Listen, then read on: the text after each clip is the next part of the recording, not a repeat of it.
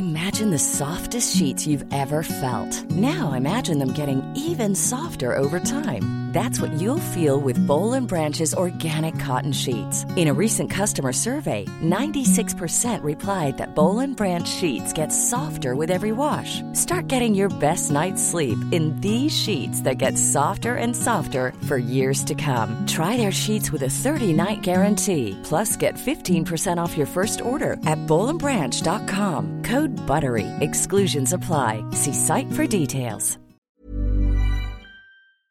Om ni fick önska er eller hitta på en maträtt eller matvara som inte existerar idag, ni får hitta på precis vad som helst. Vad skulle ni ta då?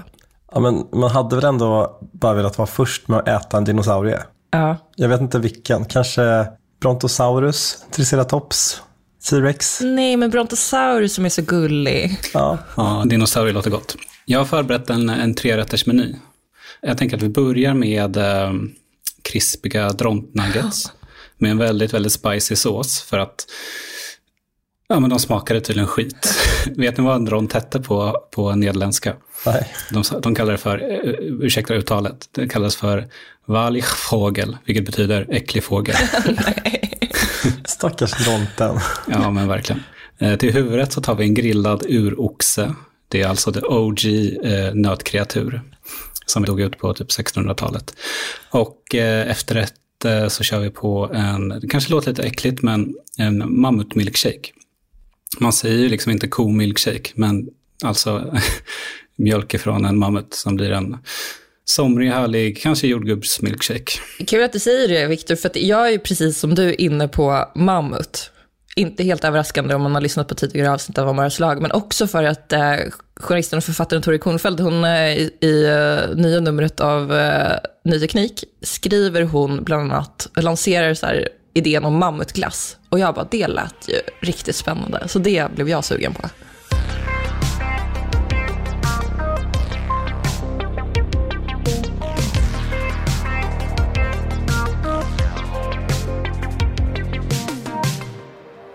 Hej och välkommen till Ny Tekniks podd Amaras lag med mig, Anja Obinska, Viktor Krylmark Hej. och Simon Campanello. Hej. Vi tänker oss nu en eh, scen där du står i din lokala matbutik. Det är några år framåt i tiden. Du eh, står och väger vid köttdisken mellan två lokalproducerade köttbitar. De ser eh, rätt lika ut. Du vet att de smakar ungefär likadant, har samma konsistens och kostar ungefär lika mycket. Och den enda skillnaden med de här två bitarna är att den ena kommer från ett slaktat djur och den andra köttbiten har växt fram i en stor bioreaktor.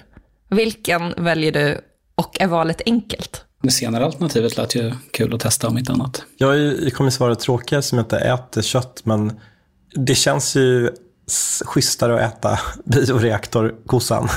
På ett sätt så känns det som att man instinktivt får ett väldigt Alltså man, man får kanske en känsla, men samtidigt så känns det som att den här frågan inte är så enkel. Och det här scenariot, det låter kanske lite overkligt. Eller åtminstone som någonting som ligger väldigt långt fram i tiden. Men faktum är att eh, även om odlat kött inte finns att köpa på din lokala ICA eller Coop än, så finns det hundratals bolag i världen idag som utvecklar och jobbar på att få ut odlat kött på marknaden. Och i Singapore så har man redan kunnat servera det på restaurang. Det har varit odlat kycklingkött. Så även om vi inte vet idag om odlat kött är något som verkligen kommer slå igenom brett, så kan vi ju ändå kanske börja fundera på nu om den största utmaningen för att komma dit, om det kommer vara det tekniska, kommer det vara regelverket eller är det framförallt vi själva och den relation som vi har till kött? För somliga är det ju självklart att välja bort kött av olika skäl. Och för andra är ju kött någonting närmast heligt och som man aldrig skulle ge upp. Och hur ska man då ställa sig till det här om det finns ett kött som odlas i bioreaktorer? Ron? What in the devil's name is this? Portobello mushrooms. Where's the steak? Oh, there's no steak. That's a healthier option. It's organically grown. Go. Are you okay? Whoa, whoa, whoa. Okay. Can you get us a cold con? Man kan ju verkligen relatera till det där att eh, när någon har lagt på jävla svamp på grillen. Tim Ron här. Ja, det är en provokation även som vegetarian med svampburgare. Det är, det är ett övergrepp. Det värsta är ju att portobello-burgare, är inte det typ så här champinjon eller någonting? Det är någon vanlig svamp som man bara kallar för något finare har jag hört när jag gick på svampkurs. Är det så? Det är Ja. Fortfarande illa. Ja. Men det vi hörde var alltså ett klipp från eh, Parks and Rec, Ron Swanson, som eh, älskar kött mer än nästan något annat. Oj, vad han älskar kött faktiskt. Alltså, rejält mycket. I augusti så har det gått nio år sedan eh, den nederländske professorn Mark Post presenterade världens första burgare gjord av labbodlat kött. Och då var 200 journalister och akademiker på plats i London och fick se den här burgaren som bestod av ungefär 20 000 muskeltrådar. Tillagades där på plats då. The world's first lab grown burger has been cooked and eaten at a news conference in London. Scientists took cells from a cow and turned them into strips of muscle, which were then combined and made into a patty. English chef Richard McGowan was given the task of preparing the burger for food critics Hanny Rutzler and Josh Schönwald, who overall gave a positive response. Researchers say the technology could help with meeting the growing demand for meat worldwide. En matkritiker som hade fått testa på det här köttet, han sa att det som imponerade mest, jag parafraserar lite, men det var konsistensen på det här odlade köttet. Eh, burgaren tyckte han inte smakade så himla mycket. Vi som har sett det här klippet nu, alltså på den här lilla köttbiten, eller hamburgaren. Varför, men jag undrar ju varför de gjorde den så att den blev som en sån här fryspuck. Det är inte det godaste hamburgaren. Alltså jag tror inte, tekniken eh, hade inte kommit så långt eh, än, tänker jag är det enkla svaret. Alltså, de hade ju kämpat rejält för att få till den här enda, enda lilla, lilla köttbiten som de sen stekte på inför publik. Alltså dels var den ju riktigt dyr, 250 000 euro. Vi snackar flera miljoner kronor hade det kostat för att få fram den där. Tre labbtekniker hade lagt tre månader på att få de här 20 000 muskelfibrerna som behövdes till början. Och sen hade de dessutom fått pengar, för det handlar ju om ganska mycket pengar, från Googles medgrundare Sergey Brin. Så att, ja, det hade väl inte gått vägen annars. Så det där var ju liksom det, det, det bästa man kunde åstadkomma för nio år sedan. Men med alla de pengarna, hade de inte kunnat göra den lite snyggare? det tycker jag. Viktig Det är fråga. en show. Det är sant. Nej, den ser inte jättekul ut. Men det är ju frågan också, varför är man villig att satsa så mycket tid och pengar på att ta fram den här enda ensamma lilla burgaren som flera måste dela på, som är gjord av odlat kött. Mark Post, som idag eh, är forskningschef på Mosamit, eh, ett nederländskt bolag, och som jag också pratade med förra året, eh, han har förklarat det här att det här handlar om några olika saker. Alltså dels är det ju att efterfrågan på kött förväntas öka globalt. Eh, och den här efterfrågan går ju inte att möta med konventionella metoder. Sen handlar det ju om att eh, djuren som vi får kött av, de ger upphov till växthusgaser, vilket bidrar till den globala uppvärmningen som ni kanske har hört talas om. Och sen handlar det ju förstås om djurhållningen i sig. Och det här med odlat kött har ju också fått en liten skjuts på senare tid för att Bill Gates i sin klimatbibel, eller den här boken som kom typ förra året tror jag, också pratar om att så här, odlat kött kan vara ett möjligt spår om vi ska minska utsläppen av växthusgaser, eh, även om man i han ser det inte som realistiskt att vi skulle sluta äta kött helt och hållet.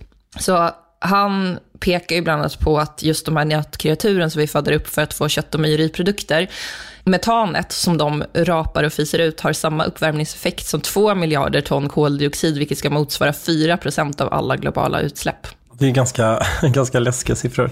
Samtidigt som man känner så här, ja, men, man kanske inte ens eh, vill att konventionell köttproduktion ska sluta helt. För att jag känner de här liksom, jättefabrikerna som i princip odlar djur. De är man inte så himla fäst vid. Man skulle inte heller vilja att varenda smålantbrukare slutade ha kor. Ja, jag håller med. Det, det känns ju, det finns ju ändå liksom också att man vill bevara någon slags naturlig process. Ja, och så här, även om det kanske de också ger upphov till utsläpp så är det så här för lokalmiljön, för så här öppna fina landskap och sånt så behöver vi ju idag betesdjur som går runt och eh, håller landskapet öppet. Så här. Det, det, känns, det här känns ju så, mer som en ersättare för det här industriproducerade köttet. Mm, jag tycker också det. Tänk om det i framtiden blir så här att det normala är det labbodlade.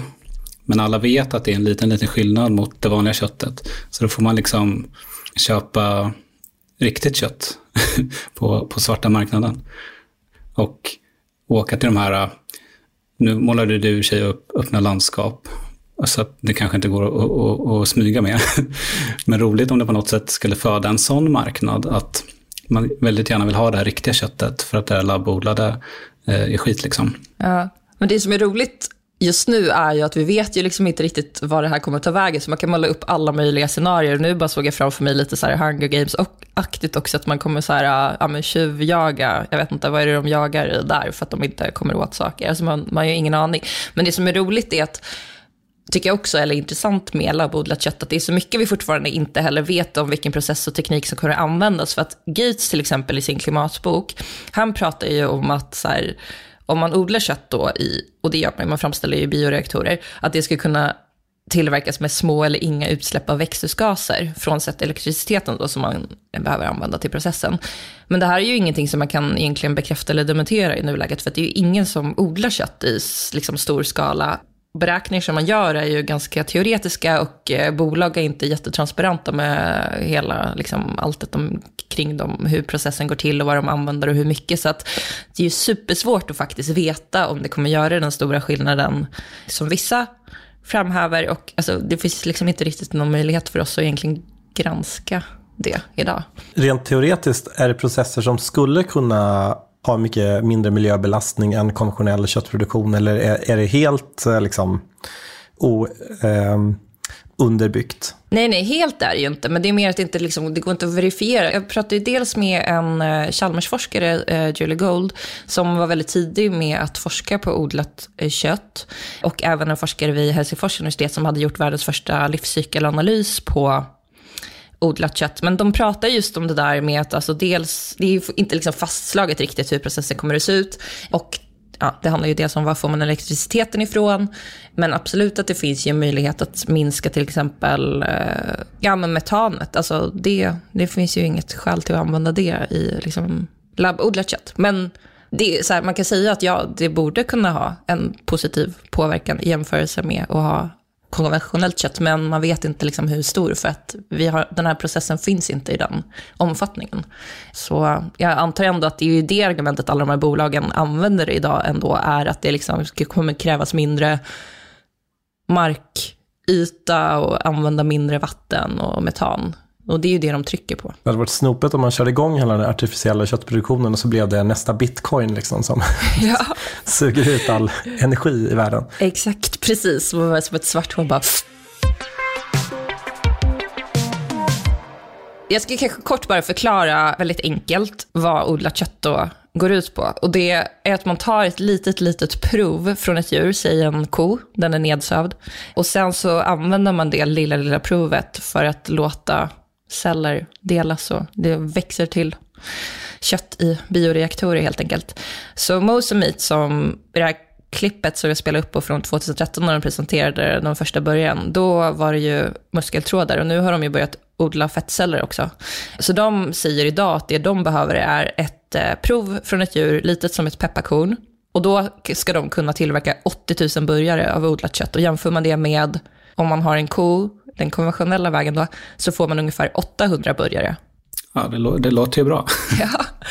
Sen vet jag inte riktigt hur, hur, läget ser ut idag för dem, hur snabbt det går. För när jag pratade med Mark Post häromåret så förklarade han att det tar ungefär åtta veckor från att man har tagit ett prov från ett djur tills dess att man har en hamburgare. Och sen för att få två hamburgare så tar det ungefär åtta veckor och en dag.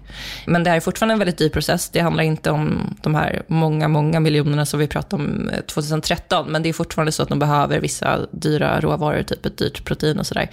Samtidigt som det pumpas in mycket pengar i den här tekniken. Så att eh, det kanske ändå är lite oundvikligt att vi kommer att se odlat kött på marknaden endera dagen. Även om det kanske känns lite konstigt och onaturligt för oss med våra ögon. Och då, ja, det kan ju nog omkullkasta eh, ganska mycket. Ni har ju pratat tidigare om det här med hur kan man återuppliva en mammut? Ja, det är ju samma sak som labbodlat kött egentligen. Eh, och sen så är ju bara frågan om hur ska vi integrera det här på ett naturligt sätt i vår nuvarande livsmedelskedja? Är det möjligt för dagens köttbolag att bli framtidens proteinbolag? Eller måste vi helt enkelt rasera den sektorn och bygga upp en ny istället? Det tycker jag är en intressant fråga.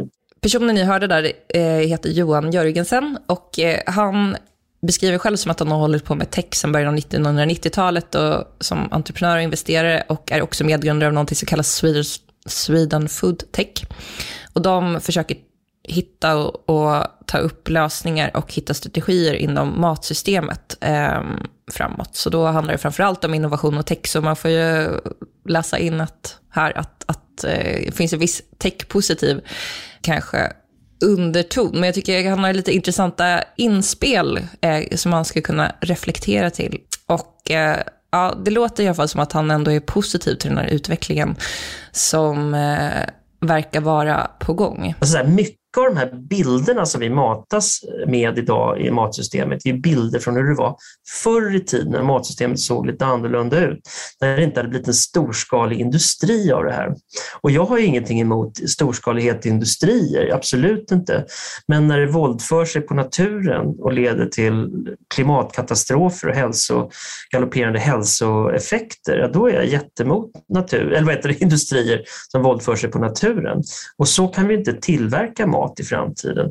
Då måste vi börja titta utanför naturen när vi gör det här. Och säga så här, hur kan vi tillverka mat på nya sätt eller näring på nya sätt? Ja, det är klart att vi kan, herregud. En gång i tiden så, så var det enda sättet att få tag på gummi, det var ju att starta gummiplantager och, och så här, få gummi från träd. Sen lärde vi oss att syntetisera det där. Samma sak med läkemedel. Och varför ska inte det här vara samma sak med mat? Jag finner absolut ingen som helst orsak till att tro att vi i framtiden enbart kommer att se mat som någonting som kommer från naturen. Det kommer att komma från andra, andra sätt att tillverka på också, precis som gummi eller läkemedel. Det känns ju eh, väldigt spännande att det blir som en, känns som en, ett nytt steg. Om, om man ska prata om så här, eh, teknikutveckling så känns det ju som, det han beskriver är ett paradigmskifte på gång. Liksom. Att eh, gå från eh, jordbruk till labb, att det blir samma typ av liksom, stora kliv. Mm, så förstår jag det också, men jag tänkte apropå det du sa Simon om det här med ja, vi vill ju ändå så här, ha kvar djur och allt det. Men han, som jag tolkar det, ser ju ändå som att vi liksom har en lite förlegad bild av att det där stämmer ju inte överens med hur det faktiskt ser ut idag.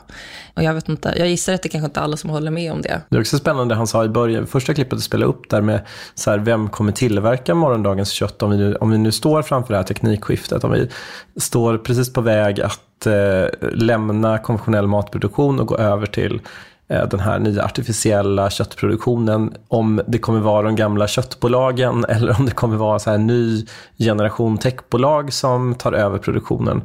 Vilket alltså spontant kanske känns, det är väl de som ligger i framkant antar jag. Jag vet inte hur köttindustrin, min eh, fördom mot dem är att det kanske inte är världens så eh, mest snabbfotade industri i den typen av utveckling. Så det, hade varit, det känns ju väldigt spännande. Kommer vi om 10-20 år se en helt, ny, helt nya företag som producerar vår mat. Ja, men precis. Alltså jag, jag minns att när jag skrivit om det här eh, ämnet tidigare så jag är rätt säker på att Tyson Foods, som är så en av USAs, eller kanske säkert, eh, de är säkert väldigt stora köttproducenter om man tittar globalt också, att de har investerat i liksom, nyare tekniker också. Så det känns som att de tror då tolkar man det ju som att de tror att det här ändå är någonting som de också behöver få liksom sin bit av kakan i om de ska säkra framtiden. Eller jag vet inte, men det är så jag tolkar jag det.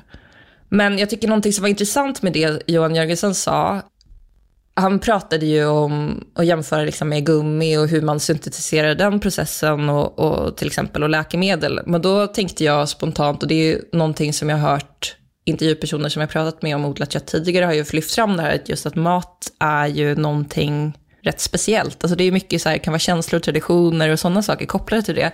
Så då frågade jag Johan om det inte var någonting ändå lite annorlunda med just mat och odlat kött kontra till exempel eh, gummi. Det, det, är tyngre för att det finns den här uppfattningen om att det är en speciell kultur, en speciell tradition som råder.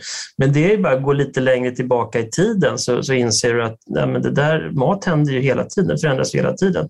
Du skulle aldrig i hela ditt liv vilja laga ett recept från en kokbok från 70-talet. Det finns inte på kartan, det är jätteäckligt. Eh, och där har vi rört oss jättemycket.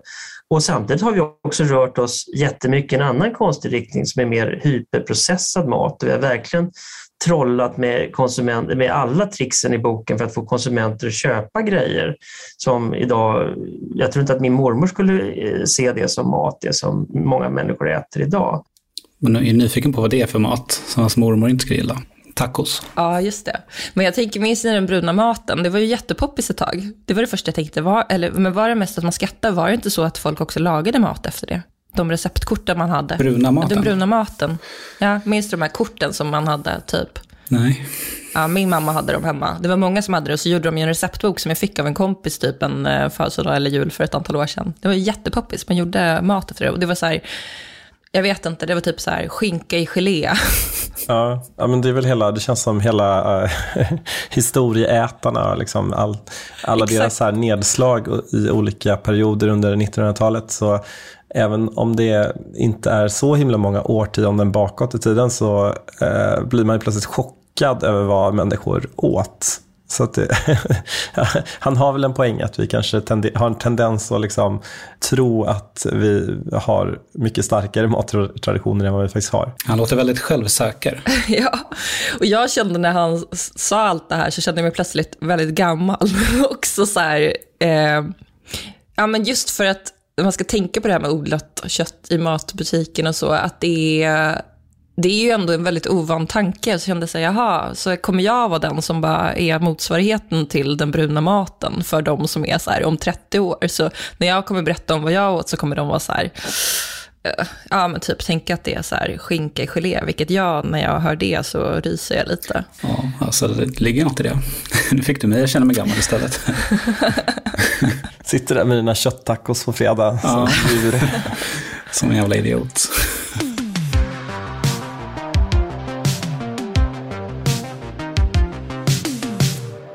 En liten annan aspekt som jag inte har hört de här forskarna som, och bolagen som jag pratat med om odlat kött, alltså de som faktiskt håller på att ta fram det så mycket, och som Johan Jörgensen pratade om, är att kött kan bli del av en helt ny kontext på ett annat sätt.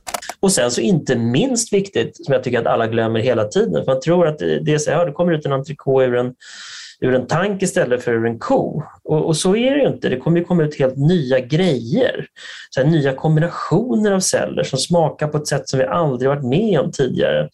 Och där du kanske blandar växtproteiner med en del köttproteiner. Köttproteiner kanske bara är där för att ge lite smak. Men texturer och volymer och näring kanske huvudsakligen kommer från andra saker än, än labbodlat kött. Så man måste ju se det här för, ja, i, i, den, i den nya kontexten som de här grejerna tas fram.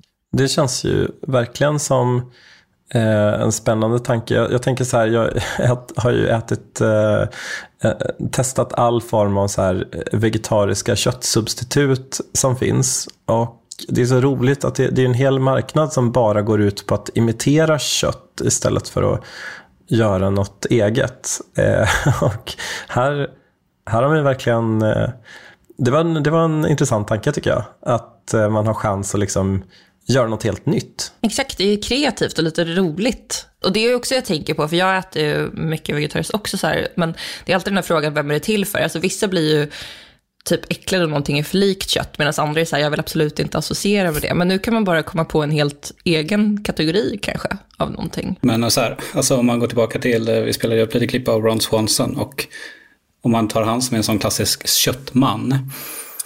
Sådana personer kanske inte älskar tanken på att man ska få sitt protein från ett annat ställe än eh, köttet. Så Nej. hur ska man liksom eh, övervinna sådana personer då? Exakt, det är ju det som är den stora frågan. Ron, skulle han någonsin, skulle han någon, han, men alla, alla som eh, känner Ron, vilket vi gör, nej, men vet ju att han, han har sina bestämda uppfattningar och de ändrar nog ingen på. Förutom möjligtvis då Lucy Lawless. Det blir lite samma problematik som hur man ska få någon eh, som kör en eh, så här, V8 pickup att eh, välja en elbil. Det räcker inte bara att peka på att den här bilen är tyst och släpper inte ut avgaser utan man får liksom kanske bygga ett litet paket kring det. Exakt. Ja, men det är det som gör det så intressant med mat, att det är så mycket annat som, det går liksom inte att bara, ja, men egentligen med bilar också, men att det är, när det är så mycket känslor kopplat till någonting så funkar inte alltid logik. Men jag frågade Johan Jörgensen, eftersom han ju är väldigt eh, inne i foodtech och eh, anordnar stora konferenser och sådär, om han hade testat odlat kött och det hade han inte. Och han hade, men han berättade dock att han gärna ville göra det och hade försökt få hit odlat kött, men sa att det helt förståeligt, folk vill inte ta med sig det för att regulatoriskt så är inte det eh, okej idag och man vill ju liksom inte stoppa den utvecklingen om man, om man vill att odlat kött ska finnas på marknaden. Men han hade en kompis som testade, så han berättade lite kort vad, eh, vad det fick för omdöme. Jag har en god vän som har varit där och käkat en sån här chicken nugget som är gjord på labbodlat kött. Och gissa vad den smakar som? En chicken nugget. ja. Så, så, så, det är ju ingen skillnad. Nej. Eh, det är bara att den kommer inte från ett dödat djur. Och det låter så hårt när jag säger, alltså känner jag när jag säger så här, enda skillnaden är ett dödat djur. Ja, men jag kan tänka mig framför allt den typen av kött, alltså hårt processat kött som, som chicken nuggets.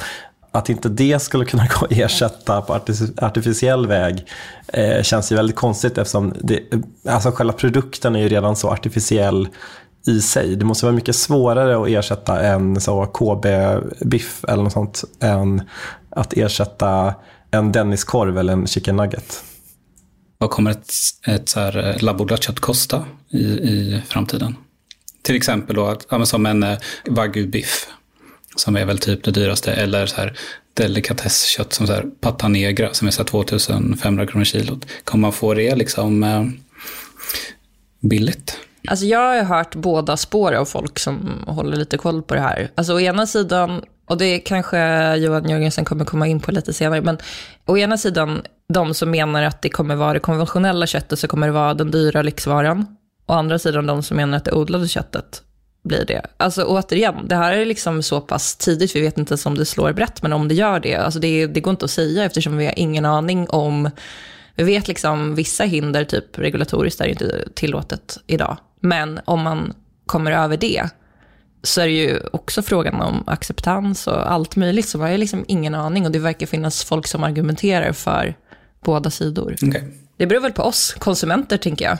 Ehm, framförallt. De har ju uppenbarligen kunnat pumpa in väldigt, väldigt mycket pengar så att, eh, och kan säkert fortsätta göra det så att, och liksom få ner kostnaderna. Ehm, och så är det ju frågan om vad som händer med det konventionella köttet, tänker jag. Ja. Men som exempel, eh, Nederländerna där Mose Meat ju eh, finns och Mark Post, de satsar ju väldigt mycket på odlat kött och eh, Johan berättade lite om det. Det bästa exemplet nu i Europa det är ju att holländarna däremot har börjat röra på sig, pumpar in jättemycket pengar att göra Holland till ett av världens ledande center för labbodlat kött. Och det tycker jag säger någonting, alltså om man tittar på storleken på det som de potentiellt sett ska lägga in i det här, det är ju närmare 400 miljoner euro potentiellt sett över ett par års tid. Och det är ju en satsning som är på riktigt. Så när vi pratar i Sverige, det är ju så här hybridstålnivå på den lite grann.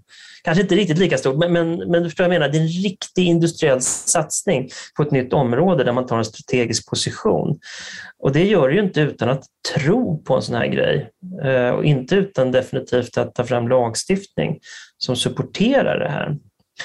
Och jag tror att vi kommer att hitta flera länder där ute i världen som kommer att stödja det här, för man ser att det här är potentiellt sett en ny basindustri, fullt i klass med traditionella basindustrier. Det är stark rebranding så här, från tulpanlandet till eh, eh, lagliga drogerlandet till odlat köttlandet. Jag hade exakt samma tanke. Kul för Nederländerna. det är roligt att, att eh, jämföra med hybrid också. Eller hur? Ja, men det, det sätter ju något på skalan. Och sen eh, så här kittlande att tänka sig att eh, framtidens Red Light District kommer bara vara så hamburgerbarer med odlat kött. Jaha, jag tänkte tvärtom. Skulle inte det Jaha, bli ja. Eh, konventionellt kött kanske? Det är ju återigen tillbaka till Viktors tanke om så här, svarta marknaden kommer vara det konventionella köttet. Liksom. Ja, den som lever får se. Men eh, jag, jag frågade Johan Jöngesson lite vad han, om, om jag slog till med årtalet 2050, vad han vill se för utveckling i, kring mat. Jag tror att jag skulle vilja se riktigt intelligenta kombinationer eh, som vi inte har sett idag. Och det kan vara så här isbjörnssvans parat med pandaögon och gåsfett eller någonting sånt där. Och jag vet inte vad det är.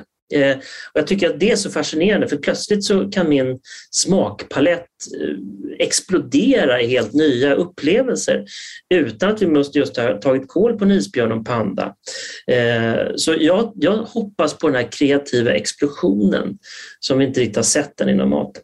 Alltså man ser det här labbet framför sig där det står vetenskapsmän i labbrockar och bara så har en öser ner pandaögon och, och isbjörnssvansar i olika eh, kärl och så kokar ihop till konstiga, inspirerande. Lite professor Baltasar. Det var en enda stor falukorvssmet av det. Ja, exakt. Precis, jag ser framför sig att det blir någon sån här, ni vet när man blandar typ alla eh, målarfärger, som typ när man gick så här på dagis. Och så blir det bara någon så här jättekonstig typ grå, brun, lila, jag vet inte, gyttja. Mm. Ja, jag vet Brun inte. Ja, han är ju, exakt. Ja, men han är ju tillbaka till det här eh, med det att det kan bli liksom någonting nytt. Och det känns ju roligt och kreativt, men jag kan inte säga att jag blir jätte, alltså så här, isbjörns, ja, svans, alltså det, återigen, jag är, jag är ovan, så att jag reagerar eh, kanske inte med eh, mums. Du är konservativ. Ja. Det kommer ju bli som de här skojgodisarna som smakar typ så här snor och sånt. Alltså att det, det blir många, Just mycket det. Äcklig mat att testa framöver. För framförallt då lab- labbpersonerna. Tänk om det visar sig att isbjörnssvans är supergott då? Ja, men det känns som att vi hade vetat det om det hade varit det. vi har väl typ ätit allt som finns redan.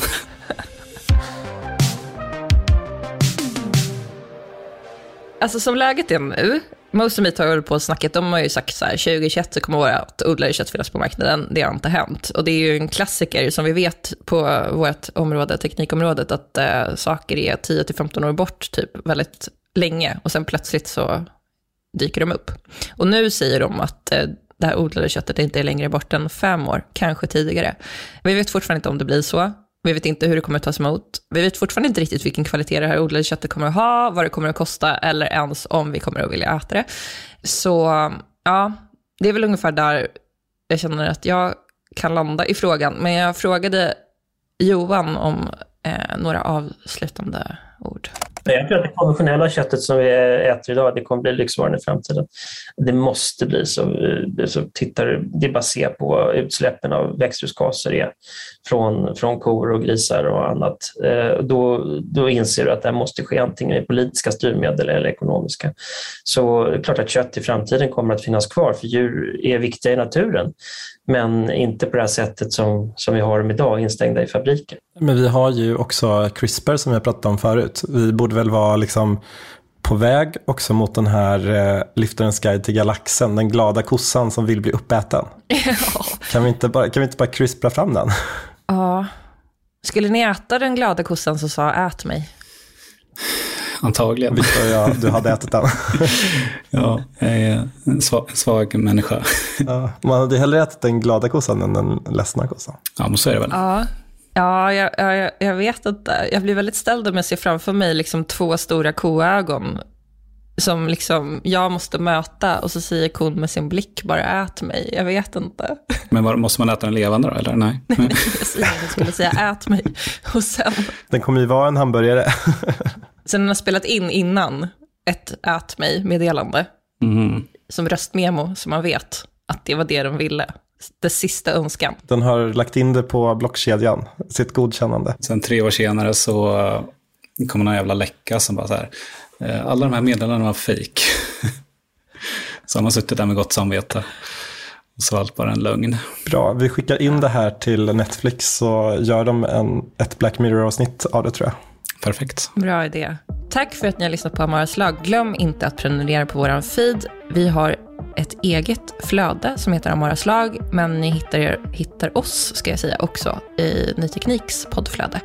Vi är tillbaka om två veckor. Hej då! Hej då!